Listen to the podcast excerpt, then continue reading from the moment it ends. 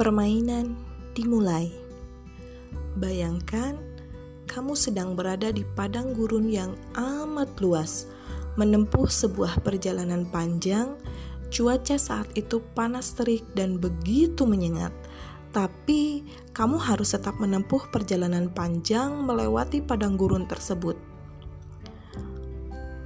Soal pertama, kamu yang saat itu menggunakan unta sebagai kendaraanmu sedang merasa sangat kelelahan.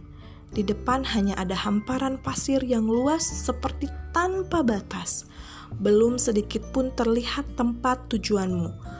Panas, lelah, letih, dan kehausan. Pertanyaannya, apa yang akan kamu katakan pada unta tungganganmu. Dua, tiba-tiba saja kamu melihat oase. Ah, syukurlah. Tunggu dulu. Di sana terlihat seseorang di bibir oase. Pertanyaannya, siapa yang kamu lihat?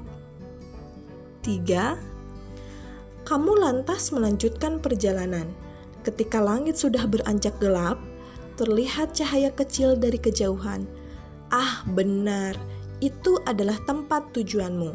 Akhirnya, kamu sampai juga. Pertanyaannya, bagaimana perasaanmu sekarang? Keempat, karena kamu sudah sampai di tempat tujuanmu, sudah saatnya kamu melepaskan untamu. Unta itu harus menemani pengelana lain melewati perjalanannya. Pertanyaannya, siapa yang kamu lihat menunggangi untamu tadi?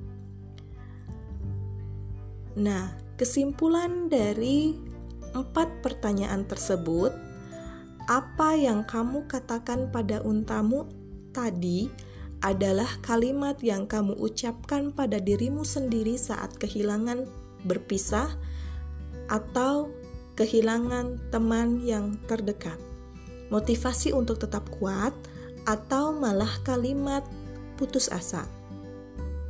Oase sering dikaitkan dengan jalan keluar untuk penyelesaian masalah. Jadi, orang yang kamu lihat di oase tadi biasanya orang yang sering jadi tempat bersandarmu, tempatmu mencari keteduhan ketika masalah menyulitkanmu. Tempat tujuan berkaitan dengan proses pemulihan kondisimu dalam hatimu. Perasaanmu sampai sampai di tujuanmu adalah apa yang kamu rasakan saat mampu mengatasi kehilangan tadi. Jadi, kamu merasa lega atau masih sulit move on. Terakhir, penunggang unta yang baru biasanya dikaitkan dengan perasaan iri. Siapa? Diakah saingan dalam kehidupanmu? Kamulah yang lebih tahu. Nah, bagaimana hasilnya? Apakah sesuai dengan dirimu? Imajinasi sudah mengantar kamu dalam perjalanan ke dalam dirimu. Sesuai atau tidak, kamulah yang lebih mampu memastikan keakuratannya. So, enjoy it.